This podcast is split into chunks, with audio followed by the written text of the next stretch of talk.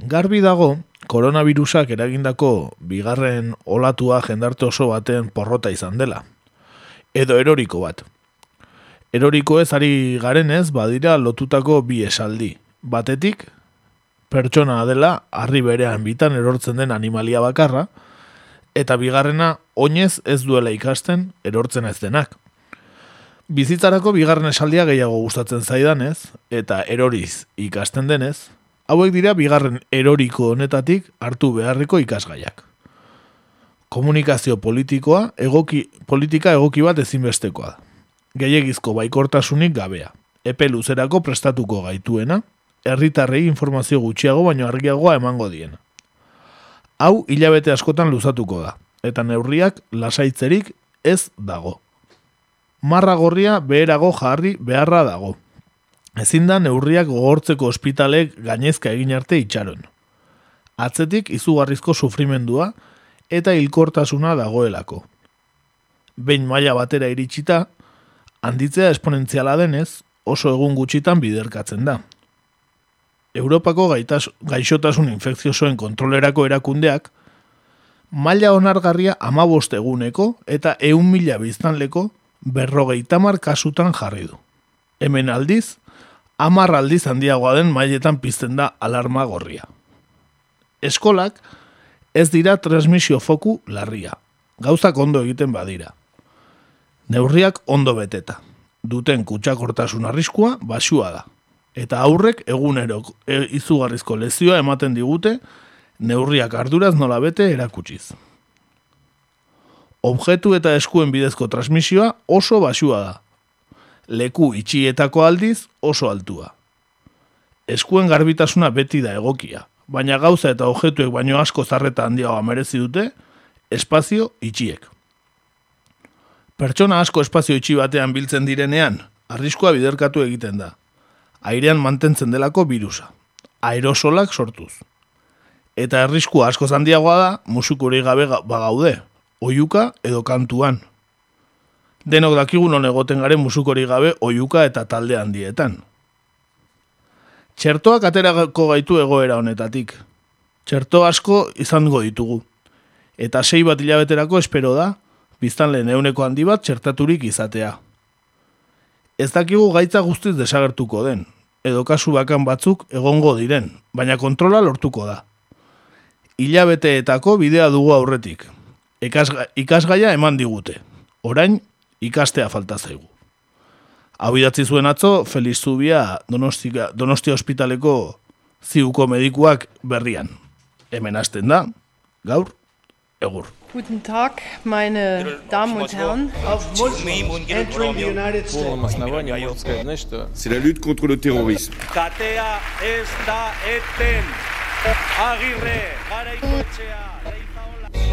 Gaur egur. Gaur egur. Gaur egur. Jolasten eta enredando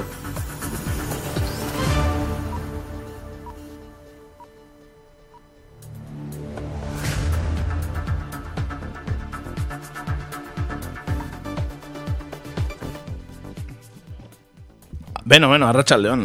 E, gaur ere Feliz Zubia ekarri izan dugu, ba, garai hauetan koronavirus, garai hauetan gu baino gehiago dakien jendea ekartzea gustako degulako, ezta? Eta ez, e, ba, handik eta hemendik entzute ditugun edozein iritzirekin e, gurea ekarri zeren e, edozein astakeria entzuten da, eh, garai hauetan. Geroz eta gehiago gainera, dirudienez.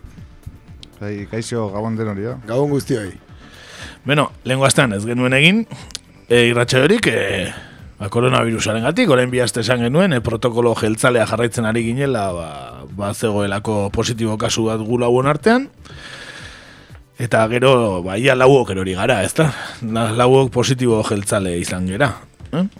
Hori da, baina lehengoz e, temporada honetan gaur enkartu gara da, no? Hori berri hona da, beraz. Ospatzeko da. Beti hago zerbait ospatzeko, eta gu beste horrek esatezun bezala, siempre positibo, ez da? Bai, siempre positibo, ontan, eh, positibo jeltzale, gaina, protokolo jeltzalea jarraituz positibo, atera gara, beraz, agian hori zen bidea, eh? Positibo ematea lauok eh, hemen egoteko.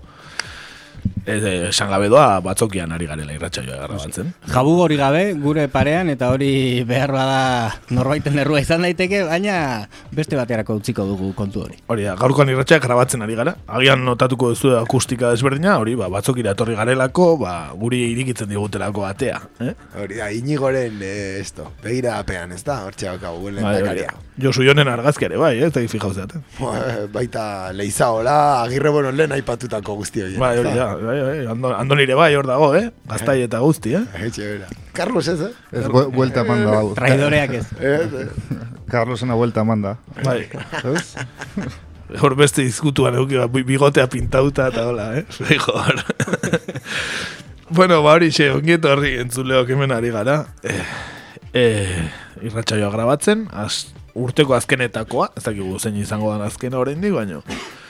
Urteko azkenetakoa, beraz, eh, guazen gaurkoa ere mardula dator eta guazen eh, bertan gaur atalarekin.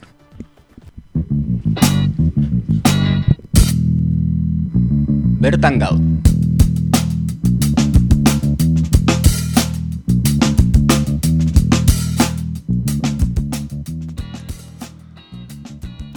Orain arteko afera eta burua uste guztiak nahikoa izanez balira bezala, zubietako erauskailuak hautsak arotzen jarraitzen du.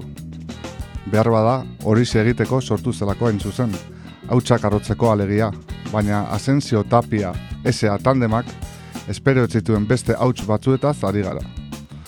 Polemika, zerbitzatua dago, enegarrenez.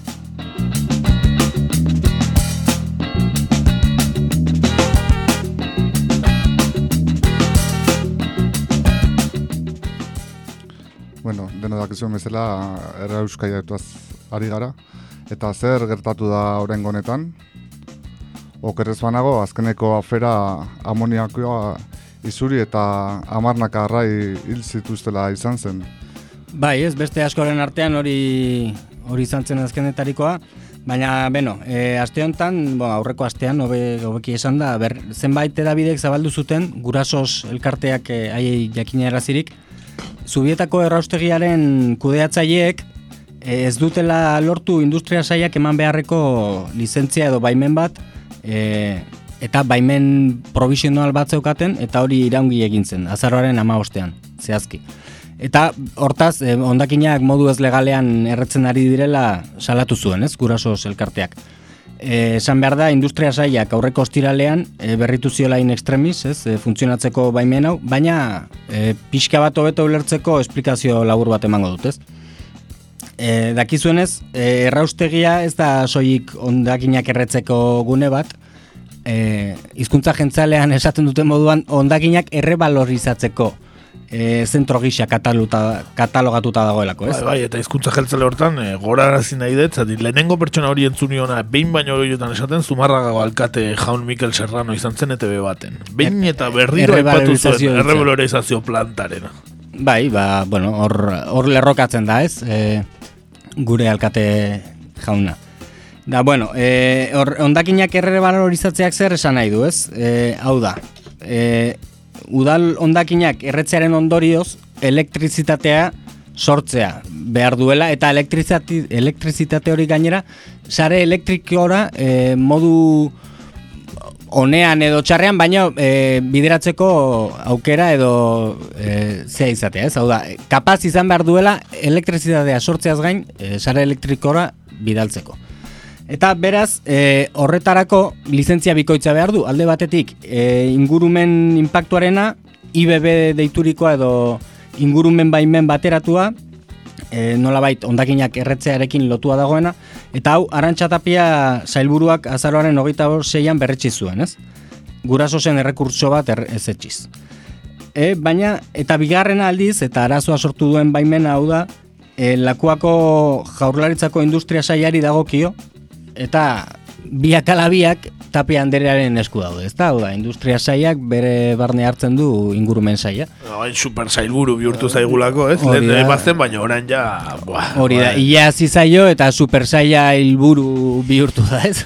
Bai, bai, Eta- e- X-Menen buru bihurtu da, eh? Zeren, ez, da, iadenaren sailburu, ez? Hori da. Daukagu bingen zupiria bozera maile, eta iadenaren sailburu, Joseba Tapia. Hori da. Joseba Tapia. Arantxa Tapia, bere arreba, barkatu.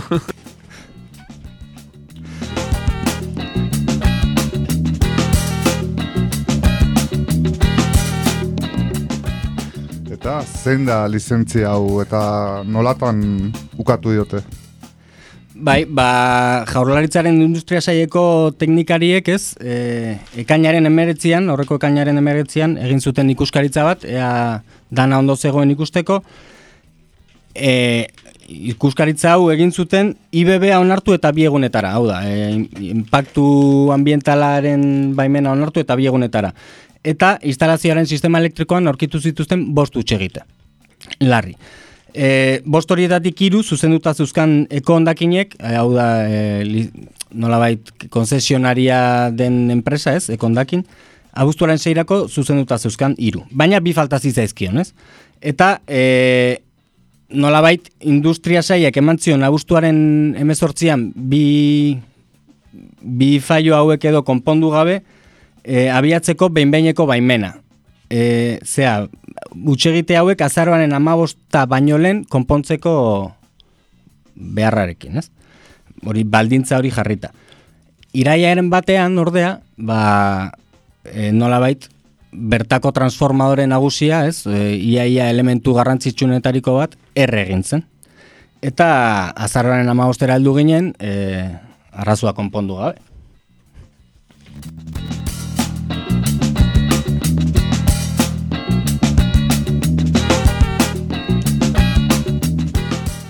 Eta transformadore nagusia berriro.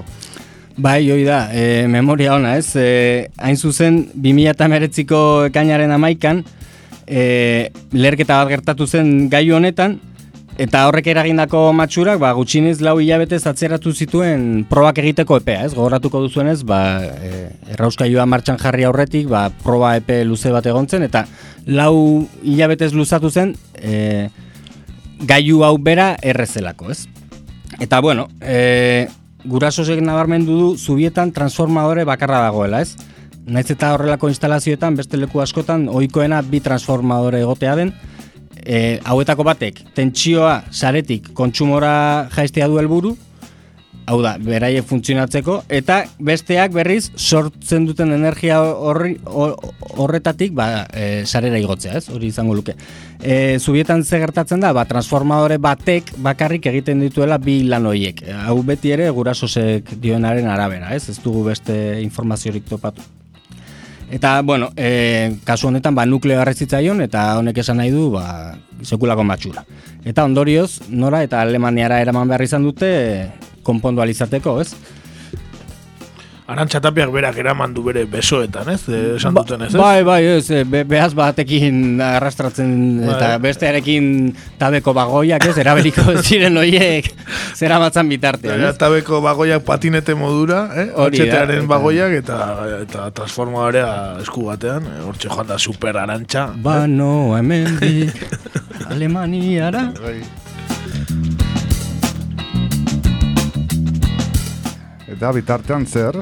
Ba, oain obarrako transformadore batekin ari dira ez, e, obarrako transformadore bat noski ez da heltzen e, besteak behar duen potentziara. Kasu honetan, eren batera iristen omen da, ez, gurasosek dionez, eta beraz ezin dute nahiko luketen bezala funtzionatu, ez?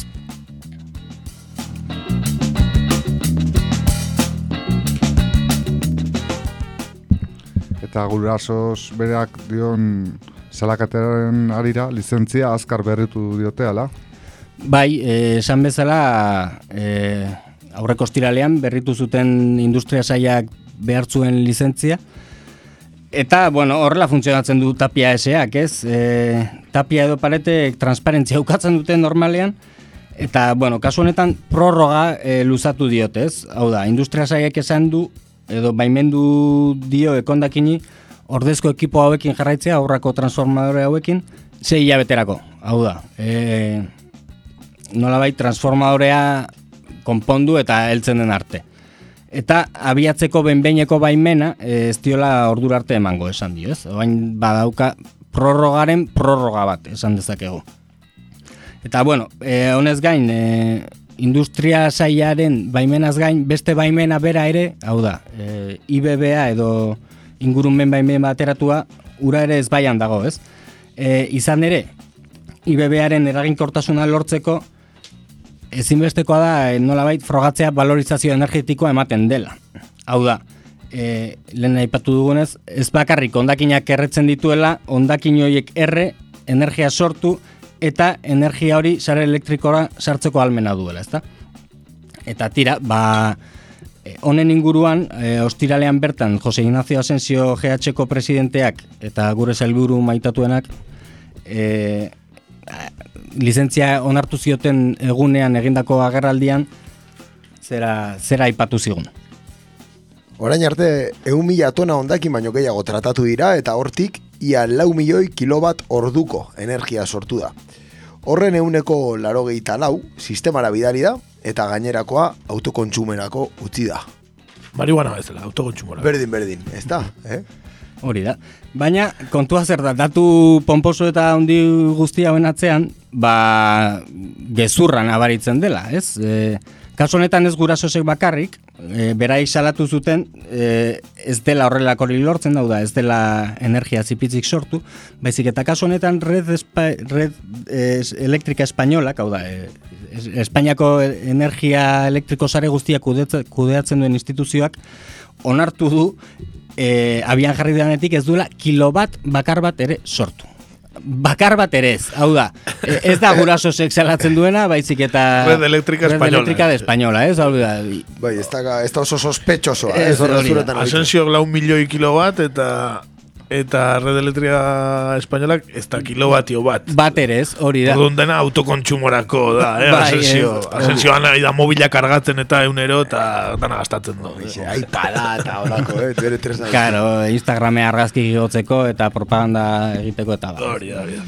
Bueno, eta honek esan nahi du, ez? Ba, esan nahi du, alde batetik, Asensio jauna gezurretan ari dela, eta e, beste behin ere, azpimarratuko genuke, eta e, nola bait, e, ez hori bakarrik, ez? E, e, a- hau da, ez du energiari sortu, baino e, zaborra bai erre duela.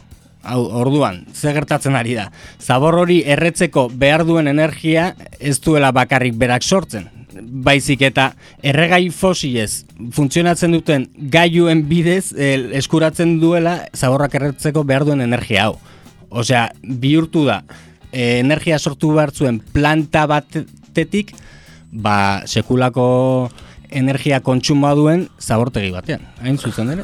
Osea, Eta gainera, osasunarentzako Hori kaltegarria diren e, elementua botatzen dituena irera. Hori da. Are eta gehiago kanpotik hornitzen delago. eh? Ho- hori, Hor hor dago doble, kontua. kutsa, ez, kutsaura doble, Doble, bat doble bat. instituzioa den. Bai, bai. Eta, bueno, Oso kasu ian berberean gaude zalba, zabalgarbiko errauskailu plantarekin, ez? Ez duela energiarik sortzen, eta zaborrak erretzeko bakarrik balio duen errauskailu badela hau, e, gogoratu beharra dago, Europar Batasunaren arautegiaren kontra doa. E, Europar Batasunak ez du onartzen horrelako instalazioak eta bar irikitzea gaur egun, ez? E, aurretik funtzionamentuan baldin bazoden bai, baino orduan, ba, tira.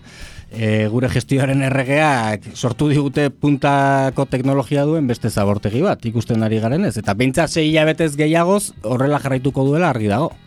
Beraz, eh, ez da revalorizazio planta bat, orduan. Eh? Mikel Serrano konfundituta zegoen. Bai, bai, e, Benetan harrigarria. bai, arrar, arrar egiten zaigu, baina haizu, dana gara gizaki eta danak daukagu okertzeko Bai, akatxerako eskubidea, eta... Bai, bai, noski, zeren eh, ontaz etzan ez da bai datu, eta, eta ez ziren espertuak eh, atera izketan, eta abar, ez, ez genekien horrelako hori gertazitekenik, ez? Ez da ez dudarik. Ez, ez, difamazio kanpaina politiko bat izan zen, ez da, eh? Errauskailuaren kontra, eta bueno, ba, hemen txegare, eh? Zero kilobatio sortzen. Zero kilobateo Hori sortu, da. zabor piloa erre, horretarako gainera eh, erabili, ez dakit, ez erregai fosil erabiliko dan. Ba, nik pentsatzen dut gaza, gaz bidez eh, lortzen dutela elektrizitate hori, ez? E, be, jakizu boroako zentral termikotik edo nondik eh, hartuko duten, baina e, argi dagoena da hori, ez? Red Elektrika Espainolak e, iriki duen zea, nota batean edo hori agertzen dela, ez? Eta hori uka ezina da oraingoz ikusiko dugu nola erantzuten dion ba, Gipuzkoako aldundiak eta Eusko? Jaurlaritzak. Arantxa berriro. Alemaniatik eh, HT-an etortzen denean transformadore berriarekin, ez? Edo, edo konponduarekin, ez? Bai, bo, ikusiko dugu e, berriro matxuratzen ez den, ez? Baina eta hirugarrena gaina onena izaten da beraz. Hortxe gure errauskailua e, seguro hitz egiteko gehiago ere emango digula hemendik aurrera ikusita Zalantzari Nola gabe. doan, ez? Oraingoz behintzat, ez, gure errauskailuak, rave bateko generadoreak, baino elektrizitate gutxigo ekoizten. Eh? Bai, bai, eh, ezazuen. Zumarrago txosna jarri ditugu generadore gehiagorekin, eh? Jakiteko, eh, beste. Bueno, ba, hola, xe, bai, bai, e, benetan, e, ba, eskerrak e, konponbidea jarri ziotela Gipuzkoan zegoen zaborraren kaos handiari, eh? ikusten da konponbide bikaina, osasunaren kaltegarria diren dioksinak botatzen dituen, gasa erretzen duen eta energiarik sortzen ez duen planta bikain batekin, eh? Bai, ba hori da gure Asensio jaunak Tapia Anderearekin duen tandemean sortutako legatua, ez? Hori utziko digute. Bai, Etorkizunerako. Imaginaziorako kanpaina bat, ez, bere garaian poltsa jartzen ziren balkoietan, ez, atezatekoaren kontra protestatzeko, eh, agian proposamen hona izan daiteke, denon artean lau milioi kilobatio jartzea, ez, gure balkoian, eh, ni kilobatioan nire balkoian jarriko. Bai, edo Hori, Deni, Denis Itxaso atezateko kubo bezala agertu zenean karnavaletan, baina agian ez dakit neutroi bezala, elektro, elektroi modura edo atera beharko da, orain gobernuko ordezkari dugun Denis, eh? Hori da. Bai, Erosiza zuzure kilobatioa. Hori da, Denis, Denis Padrina. Madrid un kilobatio. Eh? Oso ondo, bueno, guazen nazioartera mardul dator eta e, aurtengo demoraldiko lehen elkarrizketarekin. Guazen nazioartera.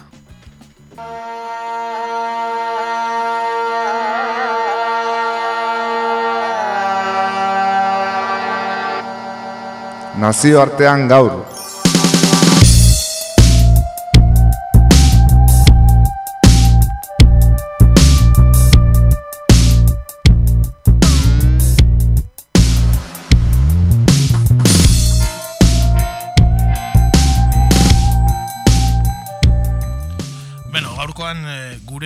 Nazioarteko atalean e, orain pare bat aste edo hiru aste jorratu genuen gai baten inguruan sakonduko dugu.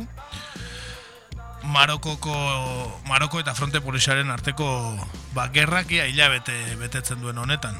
E, gertatzen denari buruz eta egoera honetara ekarri gaituzten arrazoiak ba, analizatzeko Beñat jatzen barek daukagu telefonoaren bestaldean. Ongi etorri Beñat, Txaldeo zer moduz? oso ondo, oso ondo, placer bat zuekin gaur egotea. Hori da, hori da, konfinamendu garai hauetan ere, ba, bintzate, telefonoz, egon gaitezke. Pertsona Hori da. espaldi ezin gara egon eta. Hoi da, hoi da, tamalez. Hori da. Bueno, ba, nahi bazu guazen arira. Vamos, Bai, kaixo, baina, da txalde hon. txaldeo, magoz. Bueno, eh, azteko, bai, bueno, ia ez hiru hamarkada iraun dituen eh, sueten baten ondoren, ba, bueno, badirudi ekinbide militarra, ez, bilakatu dela fronte polisarioaren irtenbide bakarra edo, eh, basikoena, ez, nola iritsi ga, ez, egoera honetara, bainat. Bai, ba, e, eun, eun urte irauzon kolonizazio espainior baten ondoren, e, hori, Espainiak deskolonizatu zon, eintzon deskolonizazio bat oso, oso txarra. Kolonizazio bea baino okerragoak hasi. Eta orduan utzi zon Mendebaldeko Sahara e, Maroko eta Mauritanian eskutan, eta orduan ba, gerra, horraz izan gerra ba, bi estadu hauekin. E, amase nelengo lagurteko zati horretan Mauritania retiratu intzan, bere barneko egoerak medio eta beste, eta etxa izana gero aliatu bilakatu zan, e, gobernu berri batekin, eta orduan ja enfrentamendu izan da zuzena e, Maroko eta Herri Sahararran arten. Amasei urtez, mila betziren da laroita maika artea. Larogeita maikan bake plan bat onartu zan, eta bake plan horrek zeuzken hiru puntu nagusi. Lehena suetena, bigarrena egitea zentxo bat e, ba, autodeterminazio prozesu baten parte hartu zen den jendena, eta gero azkenik e, erreferenduma bera ospatzea. Eta orduan hiru puntuetako bakar bat ere ez da bete. E, batetik suetena ez da bete, ba, bai, egia da, bi armadak ez zutela ez elkar talka egin, e, frentean, baina e, zonalde okupatuetan sueten hautsi da egunero egunero errepresio bortitz baten bitartez, ez? Estadu Marokoarrak independentista Sahararen aurka eta herri Sahararen aurka egindakoa. Zentsoa ez da inoiz egin, e, boz, egin zen zentso bat, baina Maroko ez du sekula onartu, e, ba, saiatu delako beti e, kolonoak sartzen, ez? Azkeneko urteetan Mendebaldeko Sahara bizitzera bidali dituen e, ma marrokiarrak sartzen, bertan ere bozkaz ezaten, eta gero azkenik e, noski ba, referenduma bera ospatzea, eta hori ere e, hogeita bederatzi urte hauetan ez da gertatu. Orduan, e, ba, faktore askok eragin dute, ba, e, motxilan geroz eta gehiago izatera, eta, bueno, azken atala e, izan da e, gergerateko gertakizun hori, non e, Marokoar armada pasatzen, ebirten zen, e, zegokion zonaldetik, herritarran sahararrak erasotu zituen, e, frenteak erantzun egin zuen, eta horrekin ja, ba, e, frenteak ere erabaki politiko bat hartu du, ba, ja, gatazka beste fasera batera eramateko. Bai, esan dekegu gergerateko gertaerak, ba, bueno, motxila horretako azken harria izan diela, ezta? Mhm. Bai, bai, hori da. E, azkenean, e, e, herri sahararrak e, bai errefusiatu kanpamendutik, mundutik, eta baita zonalde okupatuetatik ere oso modu indartsuan, aritu da azken e, urte guzti hauetan modu edo praktika baketsuen bidez, bere erabakitzeko eskubidea aldarrikatzen, eta azkenean e, nazioarteko zuzenbideak aitortzen zion eskubide bat exigitzen, ez? Zela autodeterminazio prozesu hori. Eta, bueno, ba, ekin bide bakentsu horien barrean, barruan egin dira denetik. Azkena gergeratekoa izan zen hegoaldeko muga hori istea. E, kontua e, ez dakienarentzat e, mendebaldeko Sahara zeharkatzen du munduko arresi militar operatibo handienak.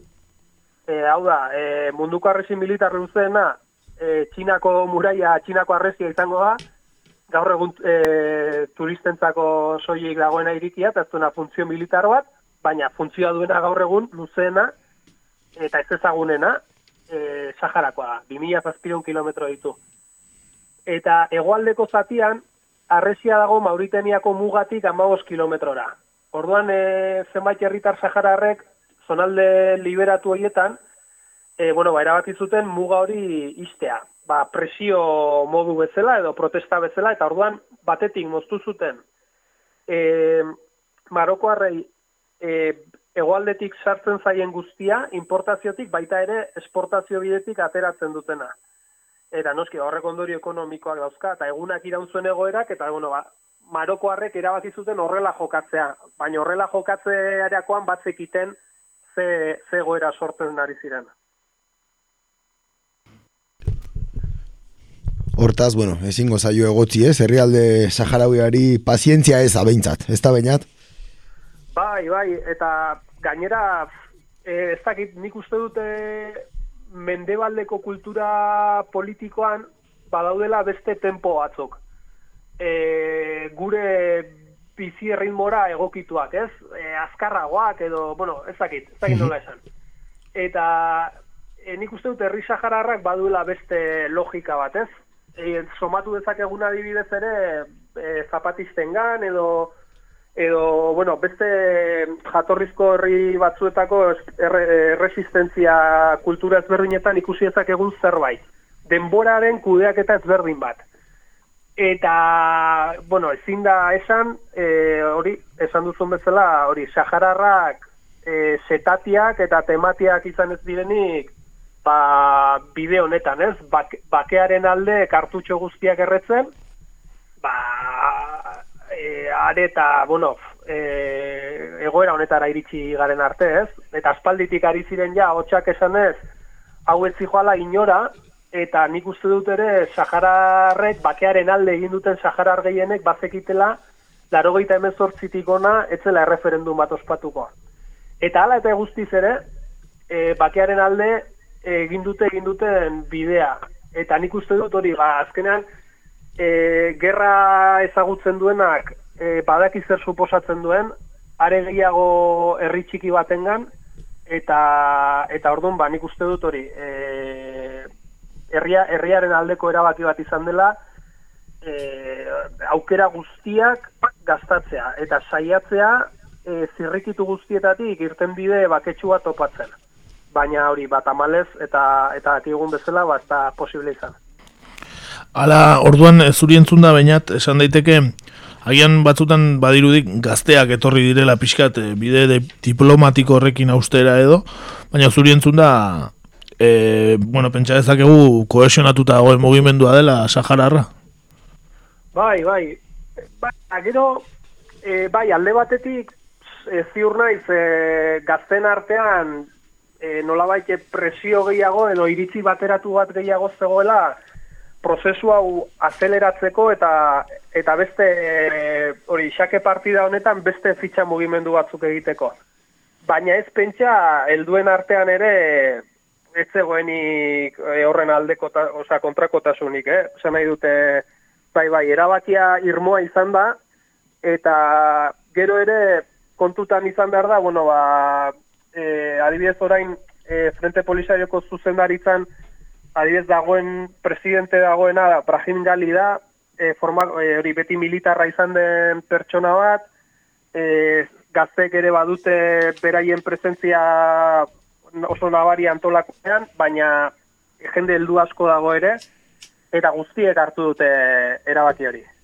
E, orduan, e, bai nik ez uste dut, bai e, e, kongresuetan eta beste entzuten zen hori, ba, ur, e, azkenek urtetatik onak, geroz eta hotxik gehiago, e, ja, bueno, ba, e, esan ez, aurreko marko hori, e, nazio batuen erakundearen bitartekaritza eta, eta bake planak ezartzen zuen marko hori, agortuta zegoela, eta beste nun baitera, beste fase batera pasa behar zela herri Sahararra.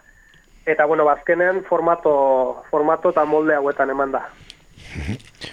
Bueno, eta eh, azken gerra berri honetara, ez, bueltatuz bainat, eh, bueno, Eh, esan daiteke, azken hogeita bostegun hauetan, ez, eraso ugari, ez, egin dizkiola fronte polisarioak eh, Maroko keraikitako arresiari, baita Maroko armadari ere, eta bueno, alata guztiz ere badirudi hoxe, ez, ba, Maroko eh, gerra berri hau gertatzen ari denik ere ez duela onartzen, ez, e, zer gaitik, bainat, zer dela eta?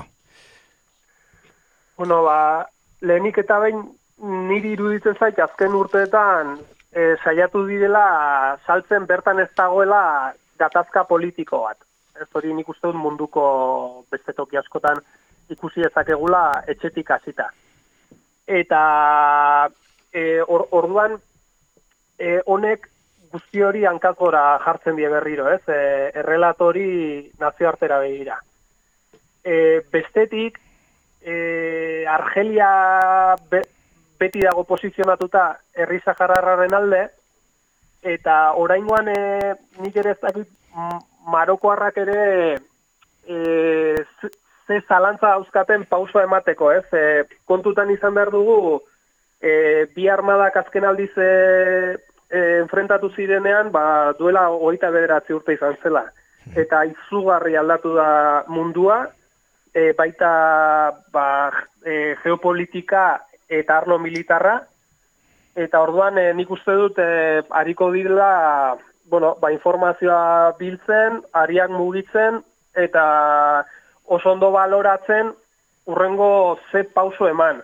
Agian, e, e, eta hau, e, karo, noski, e, jakin gabe diot, eh, hipotesi gisa, baina agian gergerateko ekintza hori zutenean, edo e, joan zirenean eh herri sahararre herritar sahararren aurka ez duten pentsatu igual e, horrelako erantzuna etorri bar zitzaien parez pare, ez? Hain erantzun irmoa. Agian sorpresa izan zan beraientzat esaten duzu, ez, baina? Bai, litzat, agian bai.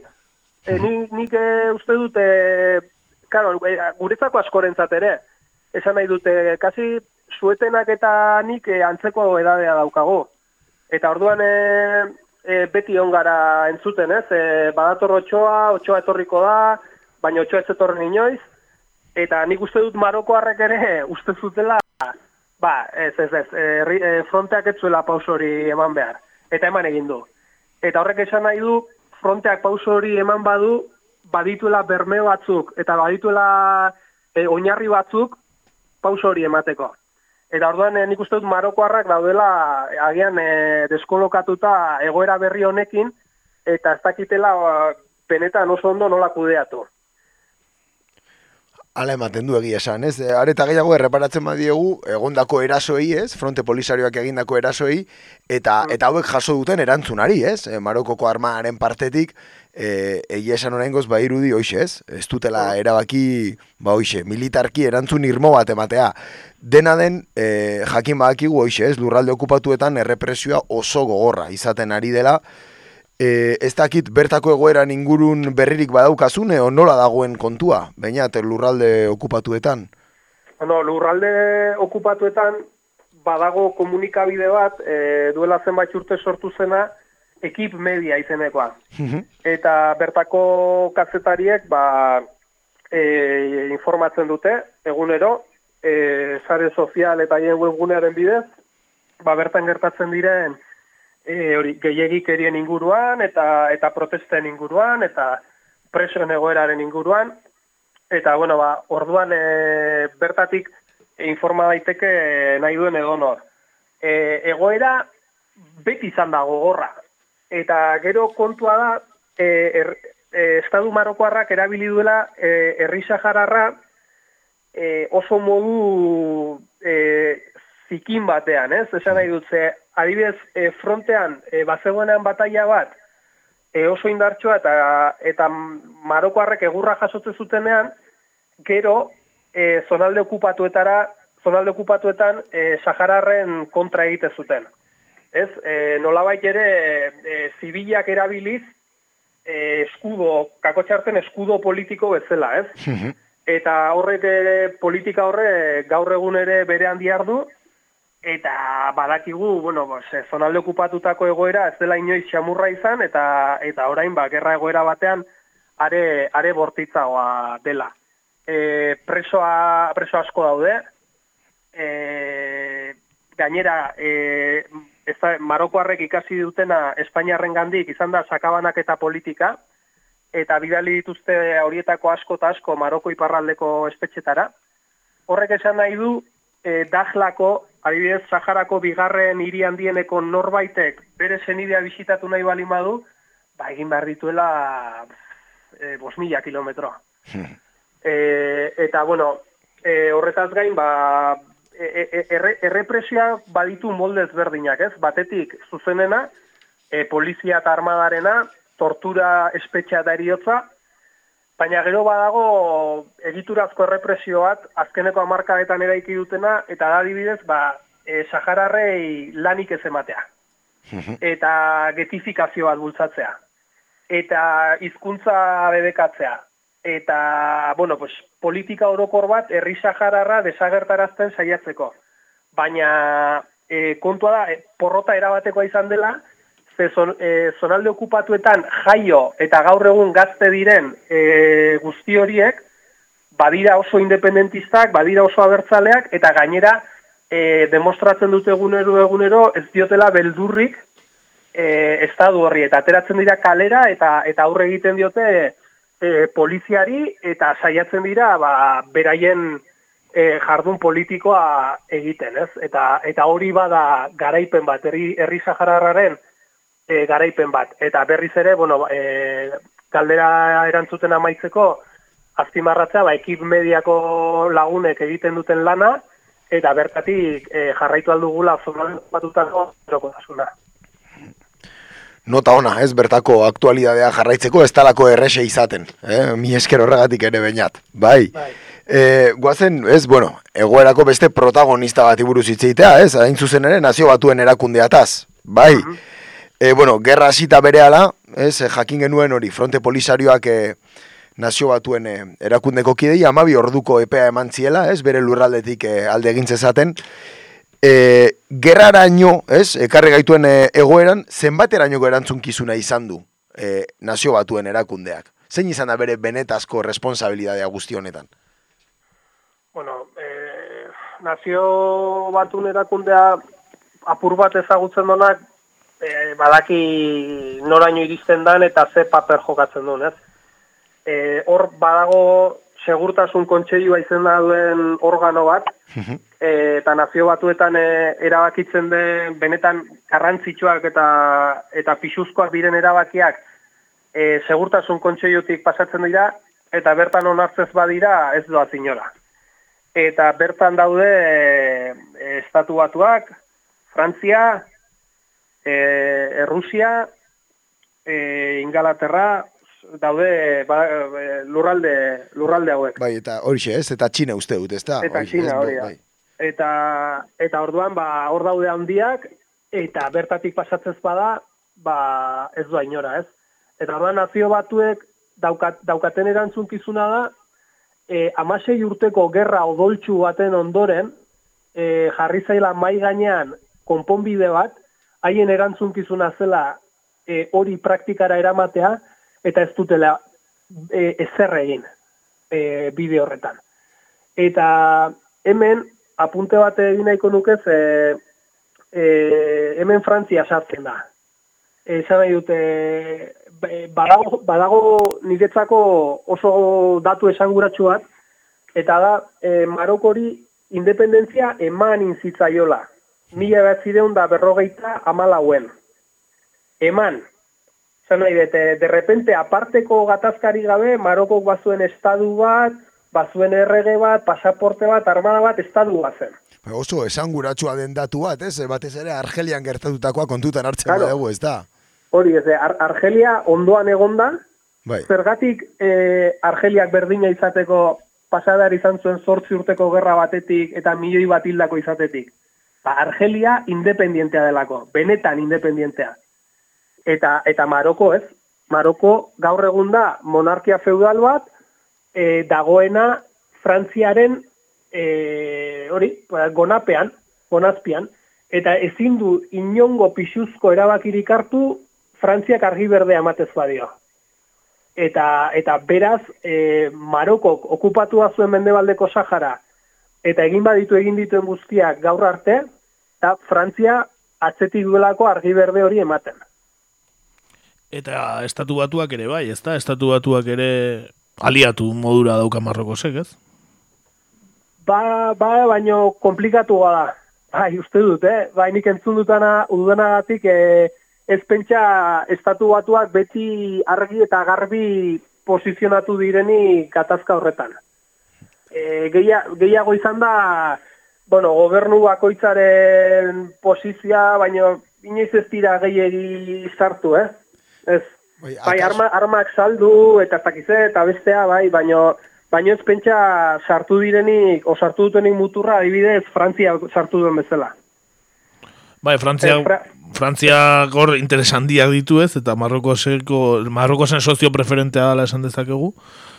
Ez dakit, e, zu gai estatuko jazu bainat, uste, e, John Boltonek zeo zaipatu zuela Saharari buruz e, Trumpek bota aurretik, ez? Ba, ez dakit, orain eh, es, eskapatzen zait. E, ba, ba, badakit eh, horre egon direla e, posizio ezberdinak.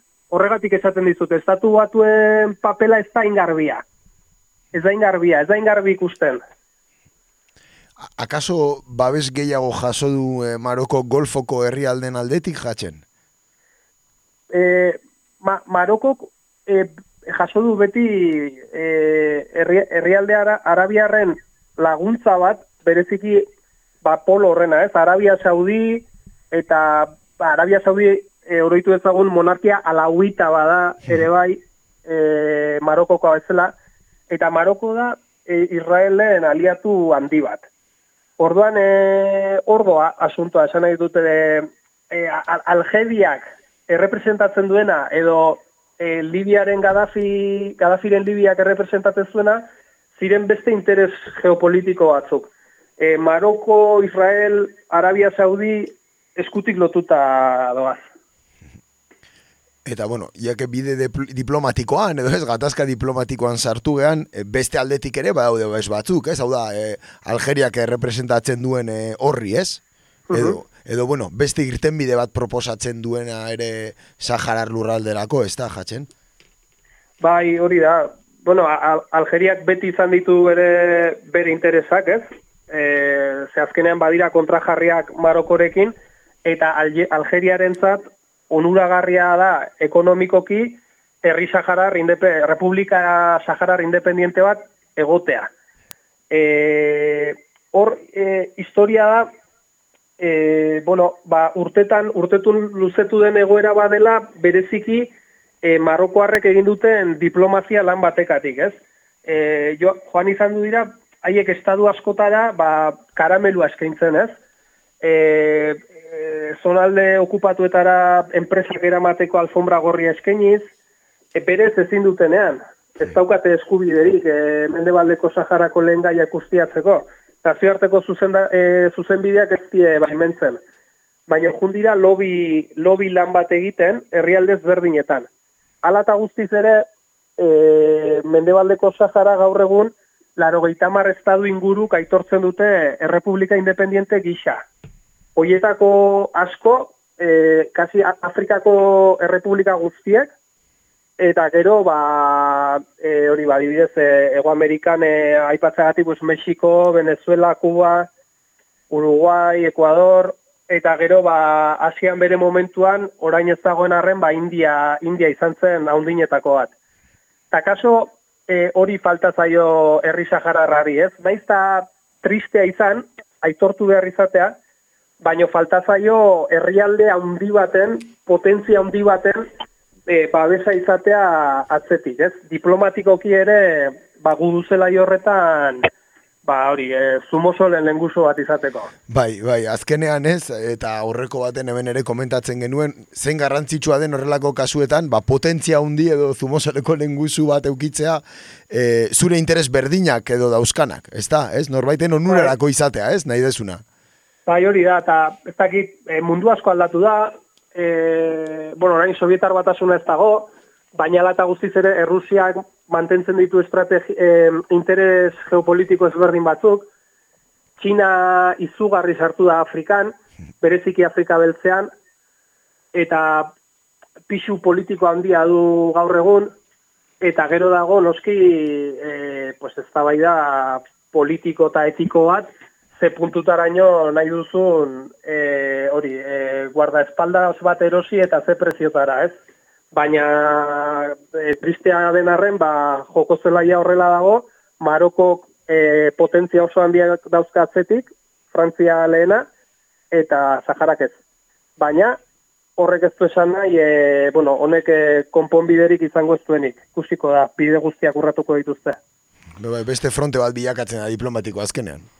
Mm, bai, bai, zalantza, zalantza izpiri gabe, eta segurazki e, gudu zelaian baino, e, arlo horretatik etorriko azkenean konponbide bat. Zez badira gauzak izugarri izugarri aldatu azken hogeita mar urte hauetan, e, nik esango nuke e, armada marokoarrak ezin dola militarki fronte polisarioa garaitu, eta alderantziz. Nei, e, nik uste dut, e, fronte polisariak baduela almen izugarria e, Marokori bizitza ezinezkoa egiteko, baina beste, beste gauza bada militarki garaitzea, ez?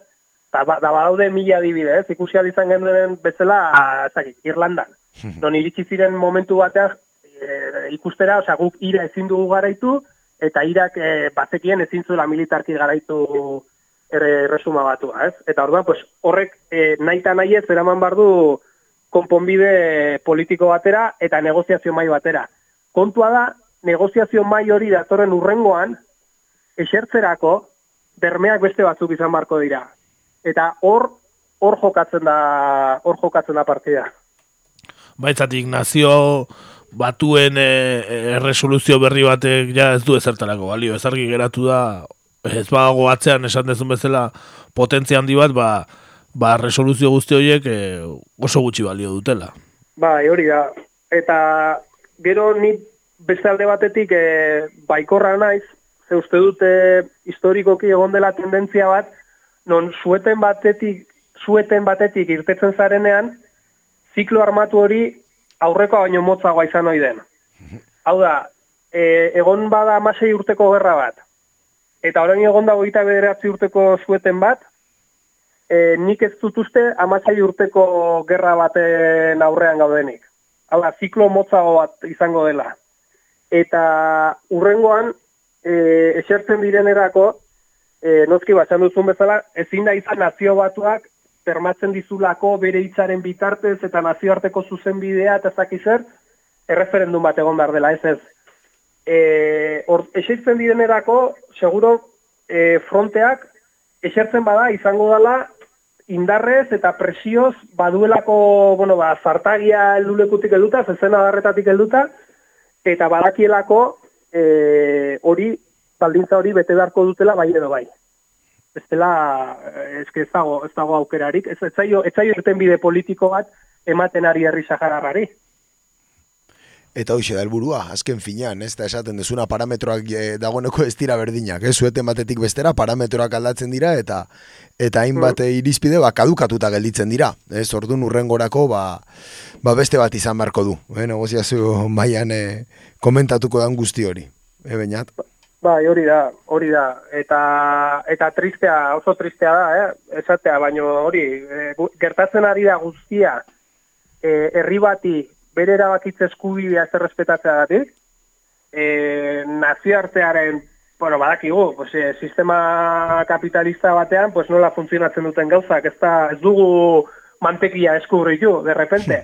Baina, esan nahi dudana da, e, hori, ba, izan dela porroz kategoriko bat, eta, ba, aber, aber, nik ezakit orain, e, nola izango den urrengo estenatoki hori, ze,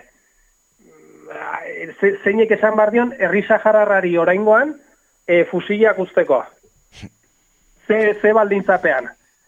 Ba, ba, ber, ikusi beharko da. Nik uste dut, e, esan bezala, frenteak baduela e, almen izugarria marokori bizitza ezinezko egiteko, eta horren e, adibidea da e, gatozena, gatozen tokitik ez, aurrekaria. Laro gaita maikan Maroko nahi izan zuen, e, zueten bat sinatu ze e, ez, e, beretzako etzen eramangarria gerrako erritmoa. Osa, baziren ez soik hildakoak. Ze Marokoko estaduari, ez zaio bater importa, emain Marokoa giltzen diren frontean. Ez zaio bater importa. Zaio bater importa zenbait giltzen diren frontean, zenbait giltzen diren itxasoan, edo kamioen azpian. Osa, Marokoko gobernuaren biktima handiena, da, dire herritar Marokoarrak. Zalantzare gabe.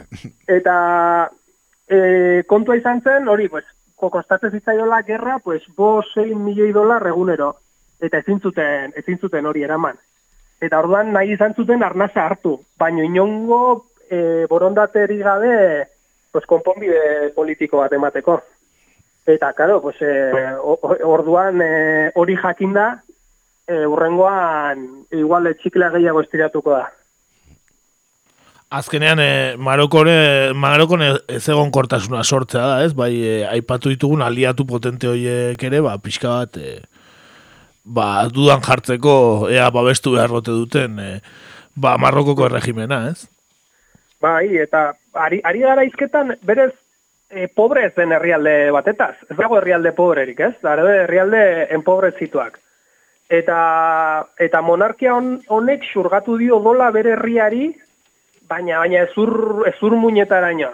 Osea, milioika lagunek alde egin behar izan dute atzerrira bizio baten bila, e, bere, osea, bere herria zanpatu du, eta zanpatzen du egunero herri sahararra bezala.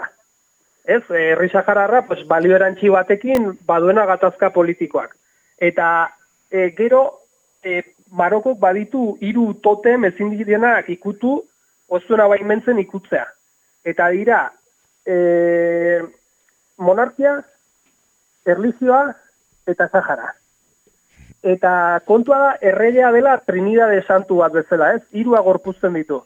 Osa, patetik da, e, Marokoarrek dauketen proiektu politiko horren burua, ez? Gran Magreb deitzen diotena.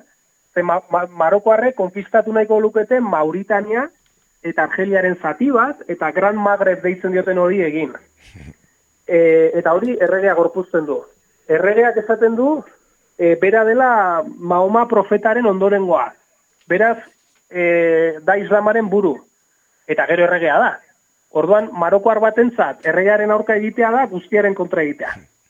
Eta hori, pues, e, hori, euneko hogeita, kasio euneko hogeita magosteko analfabetismoa daukan lurralde batean, non ba hori pues pobrezia handi bat eta hezkuntza arazo larri bat eta pues danetik dagoen ba ez du ez du laguntzen barne matxina da giro batera, ez?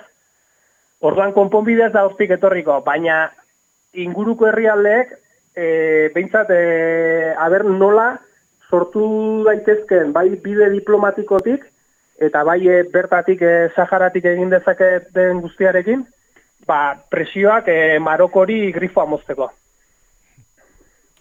Eta Marokori moztuta, ba, bere sozio preferentia dari, ez da? E, da. Beti eh, horratzean daukagun Frantzia arrestatua, ez? Hori da. Ba, eskerrik asko, bainat, e, besterik aipan nahi bat zenuke?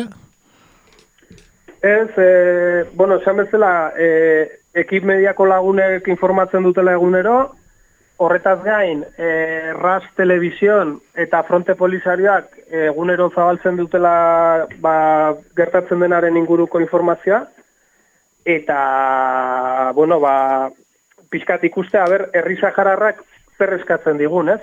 Unean, uneko, ze, bueno, orain arte, e, izan dira, ba, umeak, honea etortzen zirenak udan, eta janari kanpai, elikagai kanpainak eta beste, baina orain egoera erabat aldatu da, eta udan oporretan zetozten ume horiek frentera joaten ari dira, ez, hasi dira eta, eta helduak dira, eta frentean daude, eta herri sahararra gerra egoera batean dago. Orduan, ba, bueno, ba, batetik ze eskatzen digun herri sahararrak, eta gero noski bestetik e, egunero bezala, pues, gure herria eraikitzen ja- jarraitzera, eta, eta Euskal Herrepublika Sozialista bat sortzera, ze hori da modurik onena herri sahararrari laguntzeko. Eta, ba, aldarrikapen eh, ere jarraituko diegu, ez? Zatikan konzentrazioak eta abar eh, egiten dira oraindik ere. Bai, hori da, hori da. E, ba, ego, ego Euskal Herrian bastante egin dira, e, Ipar Euskal Herrian ere, bat edo beste, eta, bueno, ba, horre, frenteak eta Sahararen aldeko elkartek diotenaren, ba, pendiente egongo gara, pues, kalera ateratzea eskatzen digutenean bertan egoteko. Hori da, eta gure ere saiatuko gara hemendiko jartzuna ematen. Nazioarteko atala beti abesti batekin bukatzen dugu, eta gaurkoan, ba, lotxari gabe zuri eskatu diguzu aukera, dizugu aukeratzeko, bainat. Bai, hori da, bai, bai. Bai, bai. ze ekarri Eta, diguzu? Bueno, ba, hartu dute kantu, kantu bat, e, disko oso esanguratsu batekoa, e, gerra hasi eta zazpi urtetara grabatua, eta, bueno, pues, e, bada kantu indartsu bat, eta, eta bueno, ba, herri sahararraren askatasun egarriari abesten diona. Oso ondo, ba, entzun dezagun, bainat, eskerrik asko horregoteagatik, e, urrengo batean ere, bakigu noren gana jo, Saharari hitze- buruz hitz egiteko, eta besarka handi bat zuri eta Saharar herri guztiari. Venga, bezarka handi bat kakainzonari. Animo. Entzun dezaguna bestia ba. Eskerrik asko bainat. Agur bainat, placer bat. Iu.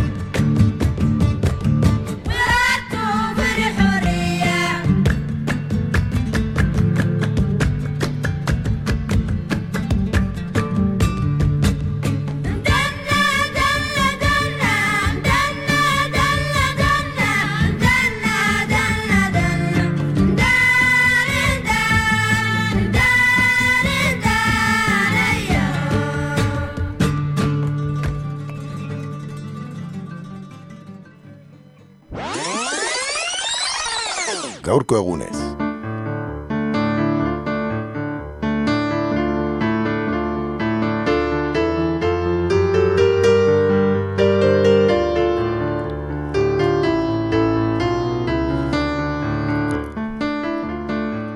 Gaurko egunez atalean, mila bederatzireun da irurogeita behatziko abenduan, Milango Piazza Fontanan gertaturikoak eta gertaera haien testu ingurua eta gertaera ark ekarri zituen ondoriota zarituko gara.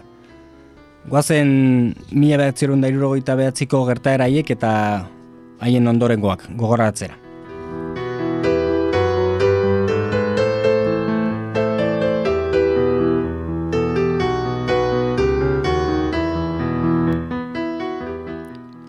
Zer gertatu zen, zehazki Milango Piazza Fontana hontan, irurogeita behatziko abenduaren amabian. Ba, hiru eta behatziko abenduko arratsalde hartan, e, arratsaldeko laurak eta goita matzazpian zehazki, e, Milango Piazza Fontanan ba, bertan zegoen Banka Nazionale de la Agricultora delakoan bango lehiatien ondoan, utzi, utzi lerkai batzuk utzi zituzten eta ba, lerketaren ondorioz amatzazpi lagun hil eta larogeita sortzi lagun zauritu ziren ez. Eta ipatu behar da, e, egun hartan bertan, beste hiru lerketa gehiago izan zirela bai erroman eta baita milanen ere ez. Aipatu, ba, hasieran e, atentatuaren e, egietzat e, talde anarkista batzuei egotzi zietela, eta atentatuaren ondorengo egunetan larogei lagun baino gehiago atxilotu zituztela ez.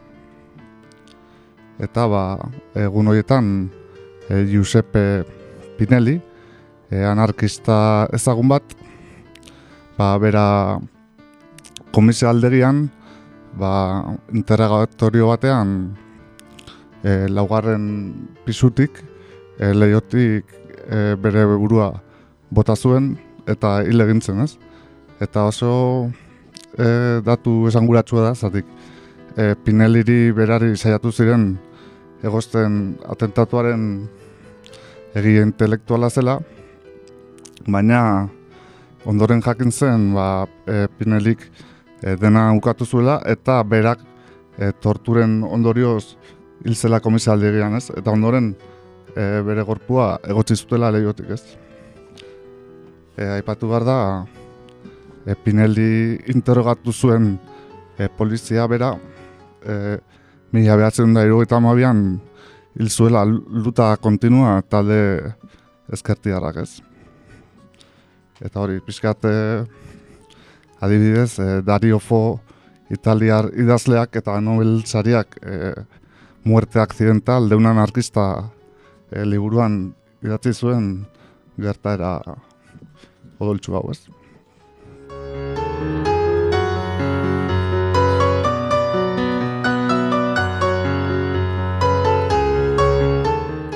Beraz, e, atentatu hauek e, anarkistei egotzi zizkieten, e, zeintzuk zeuden atentatuaren atzean nork hartu zituen bere gain. Bueno, ba, aipatu bezala, hasieran talde anarkista hauei e, gotzi zieten atentatu horren ekintza. E, baina dena e, muntaia polizial juridiko bat zen eta mila behatzen da erogeita marian e, talde neofasista batzuetako kideak atxilotu zituzten atentatu haien ekintza gaitik ez. Eta ba, urren gurtetan, ba, atentatuarekin zer zuten e, lagun gehiago atxilotu zituzten, ez? Denak talde neofasistakin loturikoak, ez? Eta adibidez, e, mila behatzen da laro eta mezortzian, e, Milango epaile batek, e, David Carret, estatu batuetako armadako ofizial bat, inputatu zuen, e, Piazza Fontanako ekintzekin, zer ikusia zuelakoan, ez? Eta aldi berean, e, Sergio Mine, e, Mineto, italiar inteligentziako funtzionarioa, eta estatu batuetako NATO erakundeko ofizial bat, eta aldi berean, e, Carlo Digio, zia erakundeko koordinatze lanak egiten zuetuena ere, atxilotu zituen, ez?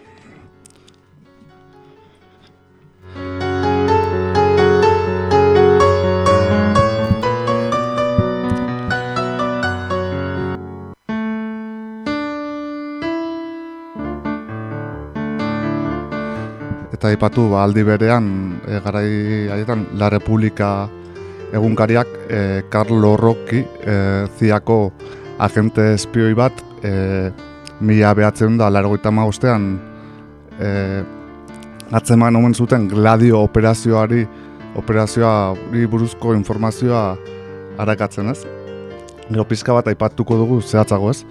Eta ba, mila, barkatu bi mila batean adibidez, ordinare nuevo taldeko bikide ere epaitu zituzten ekintzai gaitik, Plaza Fontanako ekintzai gaitik, eta e, zigor bat jaso zuten, naiz eta ondoren e, sententzia rekurritu eta azke geratu ziren, ez?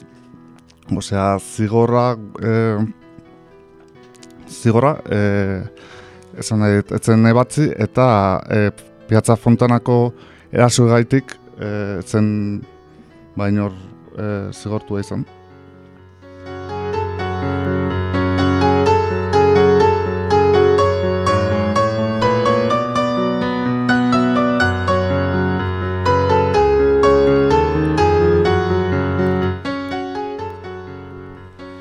Eta Operazion Gladio famatuaren barruan ere kokatu behar da, ez? E, Boloniako larogoiko abuztuko sarraskia, ez dala? Bai, hori dena. E, bai, Piazza Fontanakoa eta gero pizka bat e, urte batzuk geroago e, Boloniako e, tren gertaturikoa ez. Eta, bueno, e, dena Operazion Gladio izenez ezagutu zen ba, e, esan daiteke, ba, operazio berezi baten barruan kokatu behar da, bai estatu batuetako e, bai NATO agentziako eta zia erakundeko hainbat e, kide e, implikatuta zeuden. Eta Operazion Gladio hori e, kokatu behar dugu ba, Italiako irugarren hamarkada maierako kontestu horretan, ez? Irugaita zortzi garren urteko protesta eta greba handiak e, gertatu ziren bertan, e, ba, entzutetsuak izan ziren Turinoko grebak e, bai e, Fiat fabrikan, bai Pirelli lantokian ere, unibertsitateko ikasleen greba e, gogorrak ere, eta ba, bueno, urte gatazkatzu egin barruan kokatu behar da, ez? Eta Operazion Gladio hori ba, tentsioaren estrategiaren barruan sartzen da, ez?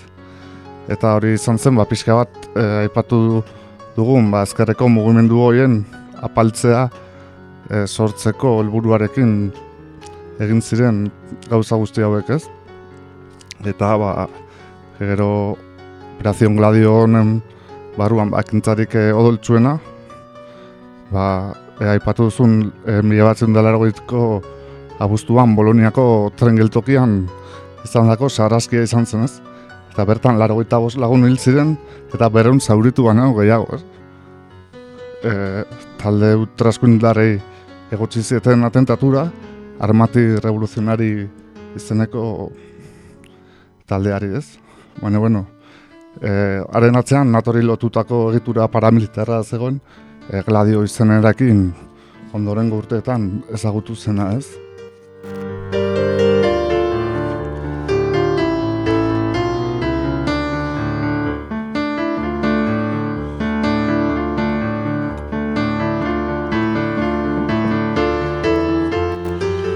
Bueno, e, noiz baita ipatu izan dugu, ez? E, Irureta zortziko maiatza eta bar, e, Frantzia pasadela historiara, baina Italian egon zirela ikaragarrizko mugimenduak ez, eta horti sortutako ezker mugimenduak deusesteko plan azain gladio gladio operazio hau ez, esa, ulertu detena batik ez?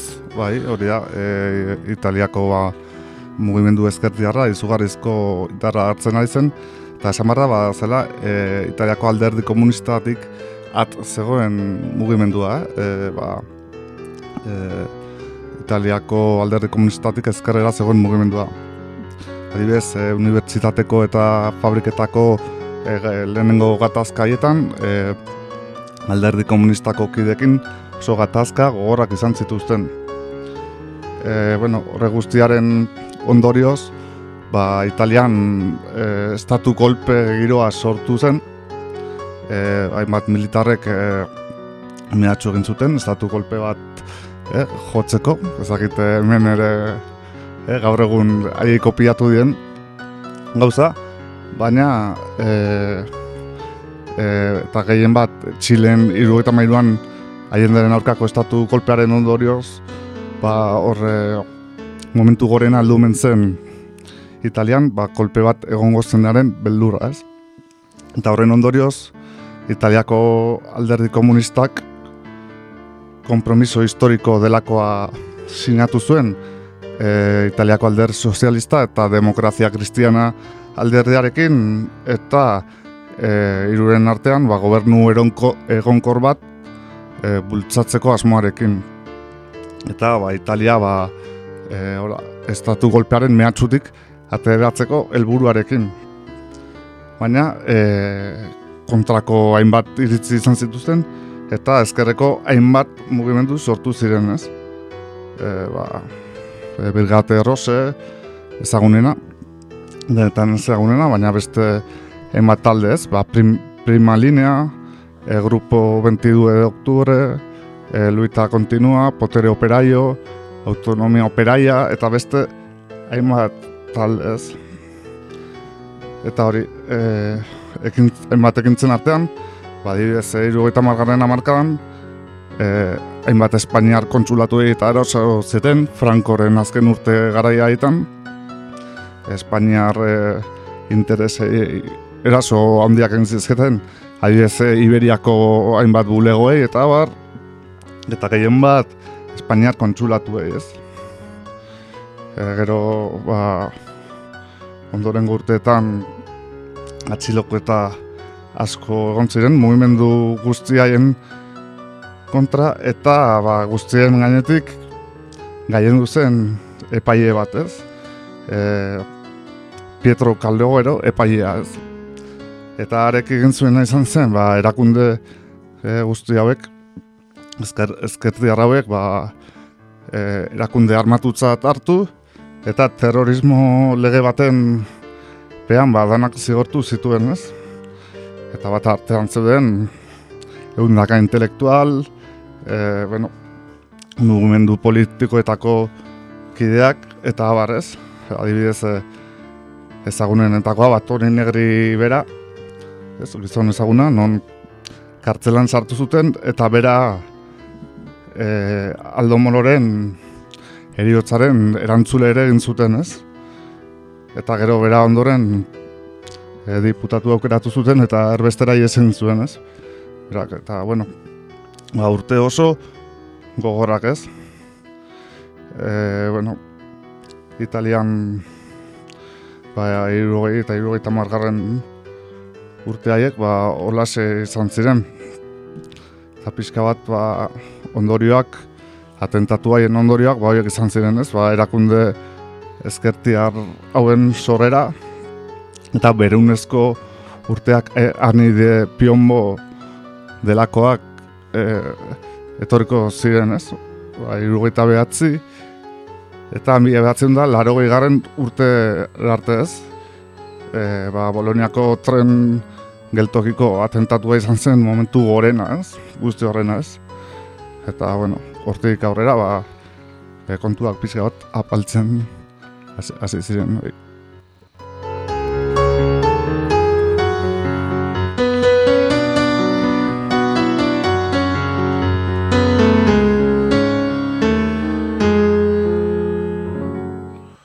Zemat itzein daiteken Italiari buruz, eh? azkeneko amarkadetan bakarrik, eh? joan gabe antzinarora, eh?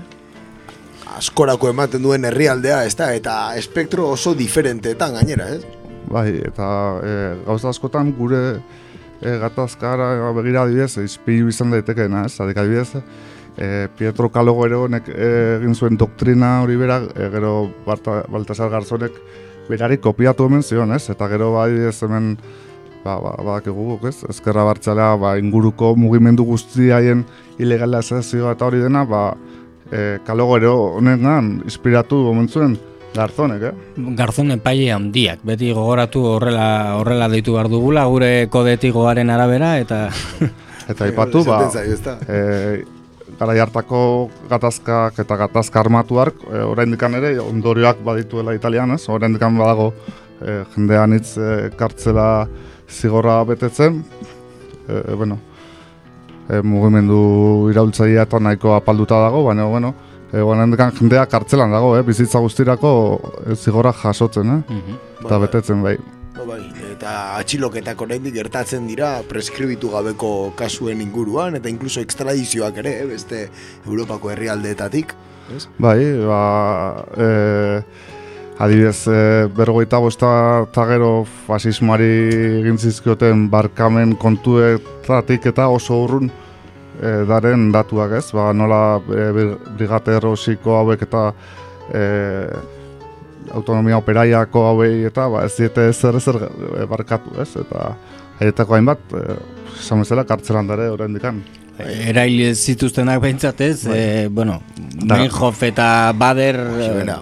E, erail egin zituztela pentsatzen da, ezta, baina Bai, baina egia da, eta Europa osoan, ez, errepikatzen da patroi hori, ez, ba, adibidez Frantzian eh, akzion direktako jendearekin, ez, edo, edo Alemanian, ez, eh, Rafeko atentatuekin oraindik jendea lotzen jarraitzen dute noizean behin, ez? Bai, gero kuriosoa da, Agertzen da, sumarioren bat, o... E, kuriosoa, zuk Frantzia ipatu duzu, ba, adibidez e, Italian, ba, ies egin zuten errefusiatu asko e, Frantziara alde egin zuten, ez? Mit- Mitterrand doktrinaren pean, babesa jasotu, jaso zuten, ez? Eta adibidez, e, Toni Negri bera, ba, Parisko Unibertsitatean irakasleen lanetan aritu zen, ba, Michel Foucault eta Deleuze eta beste hainbat intelektualekin batera, ez? Eta gara hartan, ba, nola bere askapenaren aldeko hainbat aldarri eta egin omen ziren, eta bai, bai, ba, horre... E, badago mamia, ez? Bai, bai, bai, zu, mami asko dago. Bai, bai. Urte horiek askorako eman zuten, eta Bai, eta ja. ematen jarraitzen dute zuk Bai. esan duzuna, ez? Ani, ani de plombi, eh, delakoak, bai. Berunezko urteak, beno, ba, abestitxo bat ekarri dugu, e, ba, talarekin amaitzeko, Yukung e, taldea edo karri dugu ezagutzen ez genuena, baina abesti bat daukate Piazza Fontana, eta abestia bera bai oso oso oso ezaguna egin zaigu, e, pare bat bertsio bintzat e, ezagutzen ditugulako abesti horrena, bai banda basotirena eta baita kaos etilikoarena ere, ez, beraz, e, ba hori, Yukungen Piazza Fontana, eh, ezagutzen dezuen.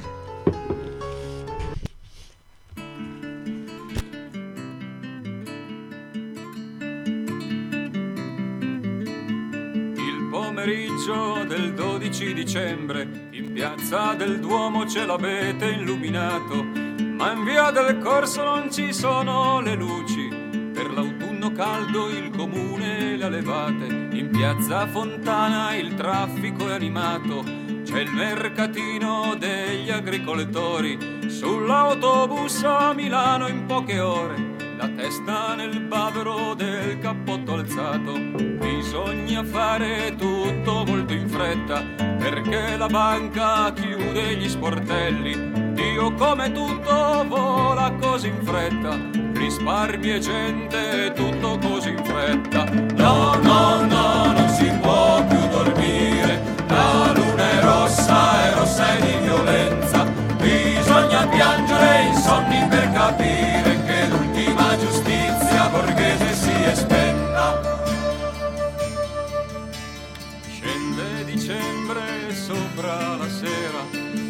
sopra la gente che parla di Natale. Se questa vita avrà un futuro, metterò casa potrà anche andare. Dice la gente che in piazza Fontana forse è scoppiata una caldaia. Là nella piazza 16 morti, li benediva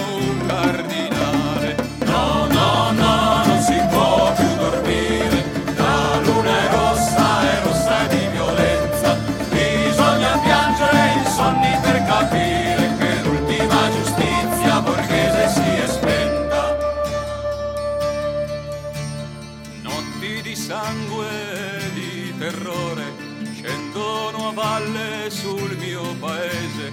Chi pagherà le vittime innocenti? Chi darà vita a Pinelli il ferroviere? Ieri ho sognato il mio padrone a una riunione confidenziale. Si sono levati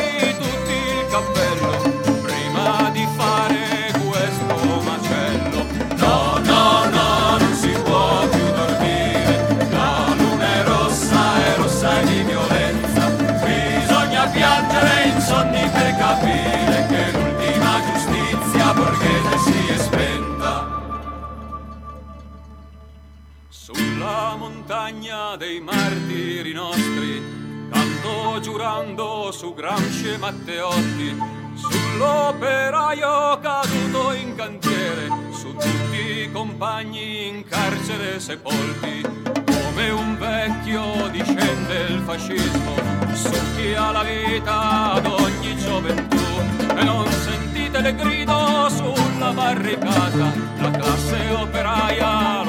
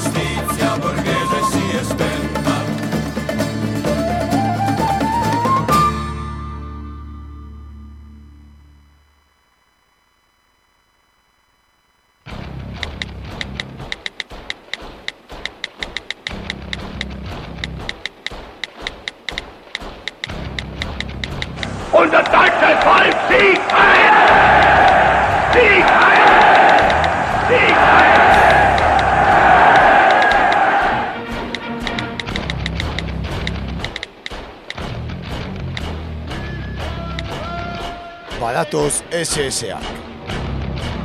Sare sozialetan egur.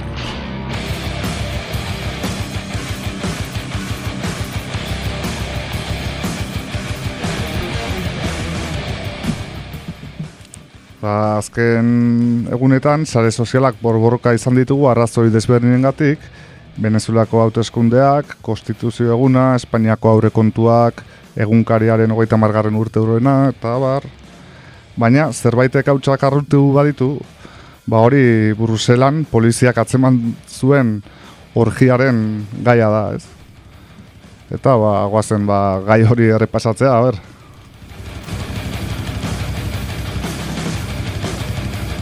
Beno, bai, ba, jakingo ez bezala ustekabean eh, agertu zen eh, Belgikako polizia eh, hau izan zen aurreko ostiralean, azkenekoan, abenduaren lauan ez, aurre, Bai, aurrekoan, ez da?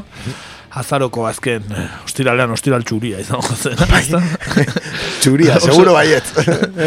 Eh, bueno, ba, hogeita bost lagun orgia batean harrapatu zituzten, festa pribatu batean, Ulala.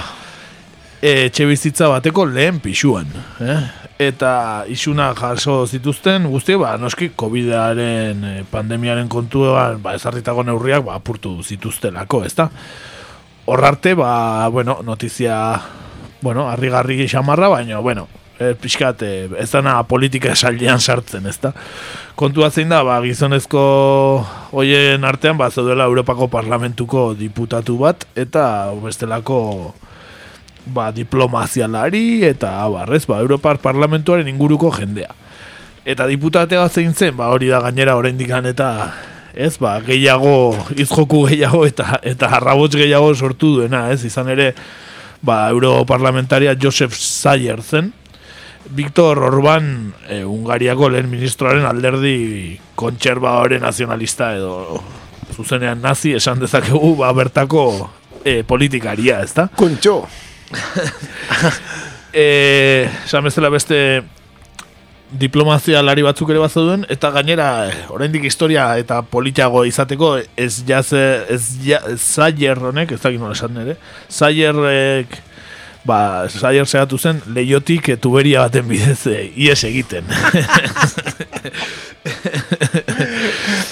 E, eta gero esan zuen e, eurodiputatua zela esan zion poliziari, ez? Eta, bueno, bueno e, kontua da, gertakariak argitaratu aurretik gainea, e, Zayerrek dimisioa aurkeztu zuela, Europarlamentuan, e, nekatuta zegoelako. eta ritzeko, ba. Hombre, nire egongo nintzateke, eh? Zorgia batean partu erta gero. Etxo polvo egongo zan. Eta oztuta, segurazki, ze tuberiatik eh, Bruselasen garai hauetan, ez Bai. dio gomendatzen inorre. Ez, ez, gaia, gaia larru gorritan. Ez da, Sí, seguro. ba, imagina, ba, gizona neka, nekatuta. nekatuta. Jo, jo, jo, Josef, eh? Gero, bueno, gero hori, jakintzen eh, gertakariaren berri, ondore jakintzen behar dimisioan eta gero. Orduan beako onartu, bueno, ba, onartu behar izan zuen, ba, ohar baten bidez, ba, festartan zegoela. E, poliziak identifikatzeo eskatu zidan, baina ez nuen agiririk gainean. Noski, nu, nu, nun dago deneia. Bai, ez da kantzontziotan erabaten normalen, ez da? Eta europarlamentaria nintzela esan nien, ala esan zuen Josefek, eta aurrera jarraitu zuten euren lanekin. Eta ahozko abisu bat eman zidaten eta etxera eraman ninduten. Eh? Gaina, era, poliziak etxera eraman zuten. Pentsatzen dut behin ja erropak jantzita, ezta? Eh, Ahozko, ahozko abisuarena, bueno, hortxe utiko dugu, ez da? Etxean ze kontatuko ote zuen ere jakiteko interesa badaukagu, baina zaila izango da hori hori jakitea, ezta. Bai, hori da, e, izan ere ezkonduta dago eta bi alaba uste dituela. Toma. E, e, ala ere, berak argi utzi nahi izan du, bea etzela drogatu, zeren drogak ere aurkitu zituzten orgia horretan, eh? estasi pilula batzuk omen zeuden. E, esan zuen behak ez zituela pro, e, probatu eta esan zuen e, drogen proba egiteko eskaini zuela bere burua, baina ez ez esan zietela. Esan zuen etzekila zeinenak ziren drogak, ez da nola eraman zituzten ere. Berak ez zituen ikusi edo. Beste zeo zertan hariko zen. Beste... Orgia bat bazegoela enteratu zen, ez? Bai, Bazekin, ez? Hortaz, ez. Bai, bai, bai. Esan bezala gero bere ardura onartu du. E, esan du COVID-19aren neurriak apurtzeaz damutzen dela. Tu esan orgian parte hartzeaz damutzen denik. Nola, nola damutuko zara ba orgia batean parte hartzen. On, e, ordaindu beharreko ordaintzeko pres nago eta igandean emandako dimisioarekin hartu nituen hartu beharreko ardura politikoak esan zuen. Naiz eta dimisio eman zuenean, ez zuen esan orgia parte hartzeagatik dimititzen zuela, baizik eta nekatuta zegoelako.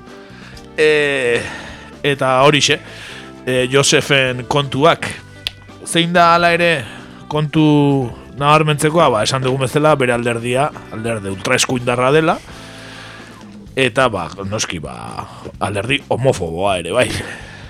Ez? Eta esan, goratu gara orgia homo, homosexuala zela, edo, bueno, gehienak gizonezkoak ziren. Bueno, hoxe galdetu nahi nun, bale, bale, ados, ados. Ez dakit orain arte esan dugu, baina, claro, orgia homosexuala zan, edo, bueno, gizonezkoak ziren gehiengo nagusia. Eta zenbat boleto, eh, gau batean, eh? Bai, bai, Zenbat? eta jantxe, diputatu ultraeskuindar homofoboa. Kontxo. Kasualidade. Ai, ba. Esan eh, barkamena eskatu dela bere familia eta lagunei, eta baita boto eman zieten ere.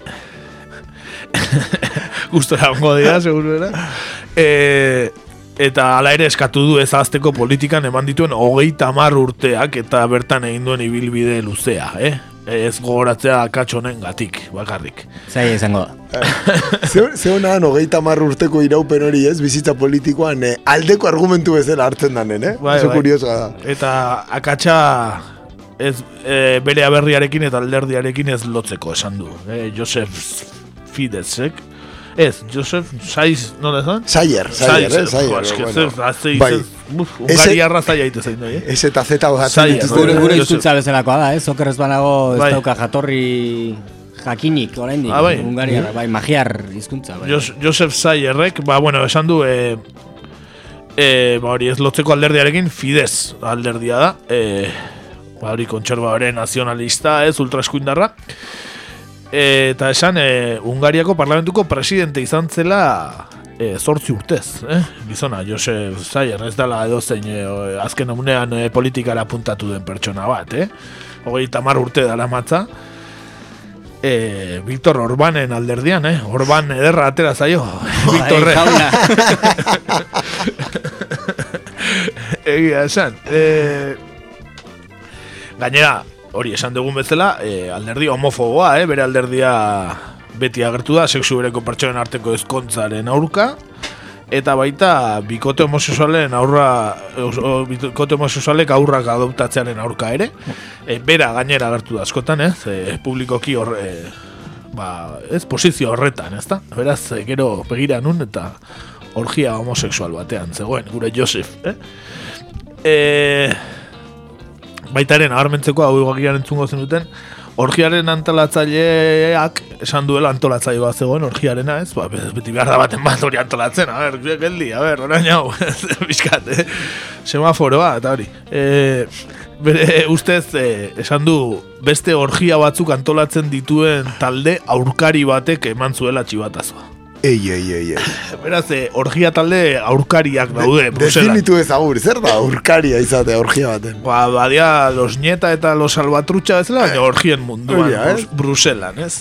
Nik gehiago, ez? Nik gehiago. Ez dakit oso ondo zer egiten. Berriro joan beharko dugu Bruselara bisitan agian, nengo errealidade soziala ezagutzera, ez? Ez da Ba, bai. interesgarria Bai, dirudi. Ba, bai, sikiera tuberitik pertsonak ikusteko, ez da.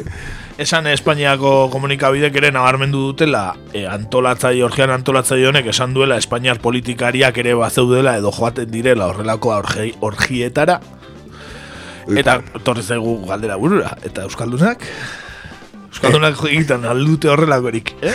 Ez. Euskal Herrian ez, bintzat, ez? Guk ez dugu ezautzen. eh, bueno, esan eh, goratzearen, ez dugu esan Euskaldunek hartzen duten iparte, eh, Euskal Herriko Europarlamentariak hauek direla gaur egun. Gizonezko bakarra, Fernando Barrena, Oh, Eta akigu, jakizu, eh, gure Fernando ze gustatzen dute zaion, eh, Bruselara doanean. Gero, Izasku Bilbao, EAJ-koa, eh? Eider Gardia Zabale bai pesoekoa eta maite pagazartun du a Ciudadanos Zuntzun, zuntzun. Ah, Ciudadanos, karo, egia da. Bai, barkau, eh? Ciudadanos, oin Ciudadanosen dago, ja, UPyDen ez dago, eta hori, Ez da existitzen, ja. Ez dago boxen, eh? eh garri garria bada ere, Ciudadanosen dago. Eh, ba, ez dakigu hauek parte hartu duten ez, eh, orgiaren antoladatzaileari galdetu beharko genieke, baina ez daukagu ere kontakturik, eh? Ni bintzat ez daukat orgiak antolatzen dituenaren kontakturik. Ba, itzein dugu, gero, programan ondoren komentauko dugu. vale, vale. e, ba, hori sare sozialetan oi hartzun handia izan du, eta adibide gisa, ba, adibidez, osea, aspaldi ekarri gabe geneukan, e, ba, Santi Leonek, idatzi du, Orain telefonoa joka hasten delarik urduri jartzen naiz. Orgia aurkarit batetik deitzen ari zaizkidan itxaropenez betea. eta Josuline gaina erantzun dio, deitu eta deitu nabil, baino ez duzu hartzen. Animatu eta parte hartu orgialdian. Euskera aldia izan denez, gara jontan.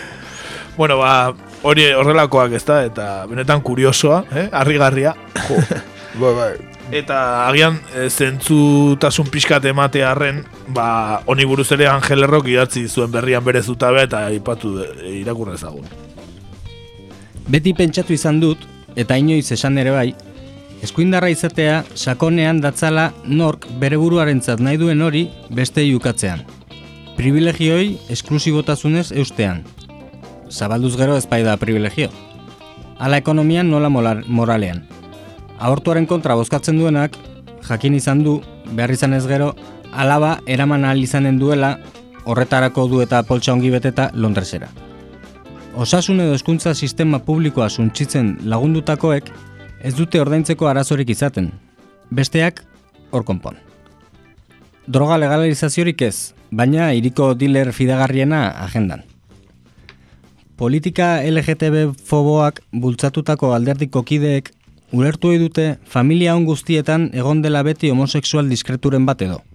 Bestela ezkongabeko izeba bat bere adineko beste andre batekin bizi dena. Lasai bozka dezakete sexu berekoen arteko ezkontzen kontra, eta gero, haietako batera joan gonbidatuta edo are ezkontideetako bat izan. Gure maroto bezala. Gauza batek ez du besteak entzan. Hori horrela, ultraeskuindarra izateak jarrera hori bera muturrera eramatea eskatzen du. Agian horregatik inor gutxi harrituko zen beste hogeita lau gizonekin batera orgia batean harrapatutako eurodiputatua alderdi homofobo batekoa izatearekin.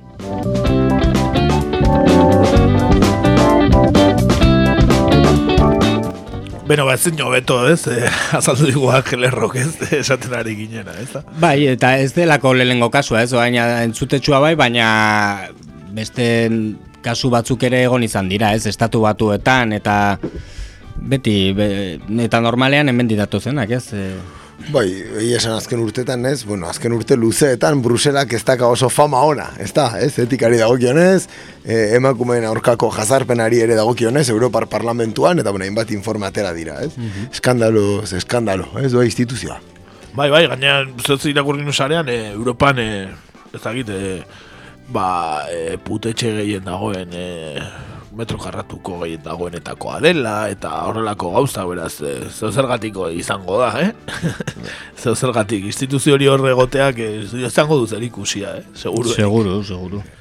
Hori bai, omendik aurrera, telefono arraro batek deitzen bazaitu, eh? eh? Ez da Vodafone, ez da Euskaltel, agian orgia aurkari bat da, eh? Orduan, bueno, adi. Kontu, eh? kontu zibili. Adi, eh? Spam jartzen badu, eh? Agian berezi du hartzea, eh? igual bai, igual bai, igual jo, Josef bera da. Josef bera igual, eh? Zor, no?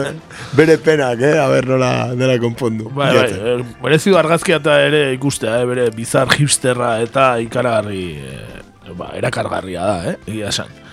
E, bueno, ba, onaino, gaurkoak, eh, irratsaio mardula.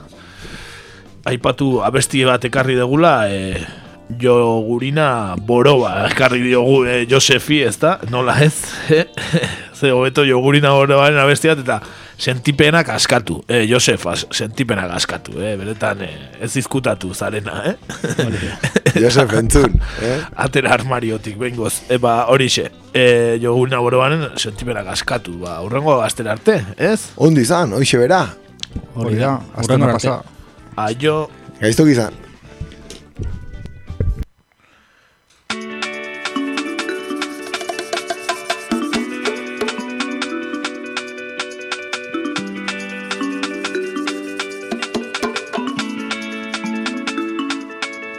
Bartolok ez du mari. Bere amez gozoetan Bai ordea Jose Mari. Hau maite du benetan Zer diren ezan ezinik Dabil zezkutaketan Eta tristuraz beterik. Bizi dira penetan oh.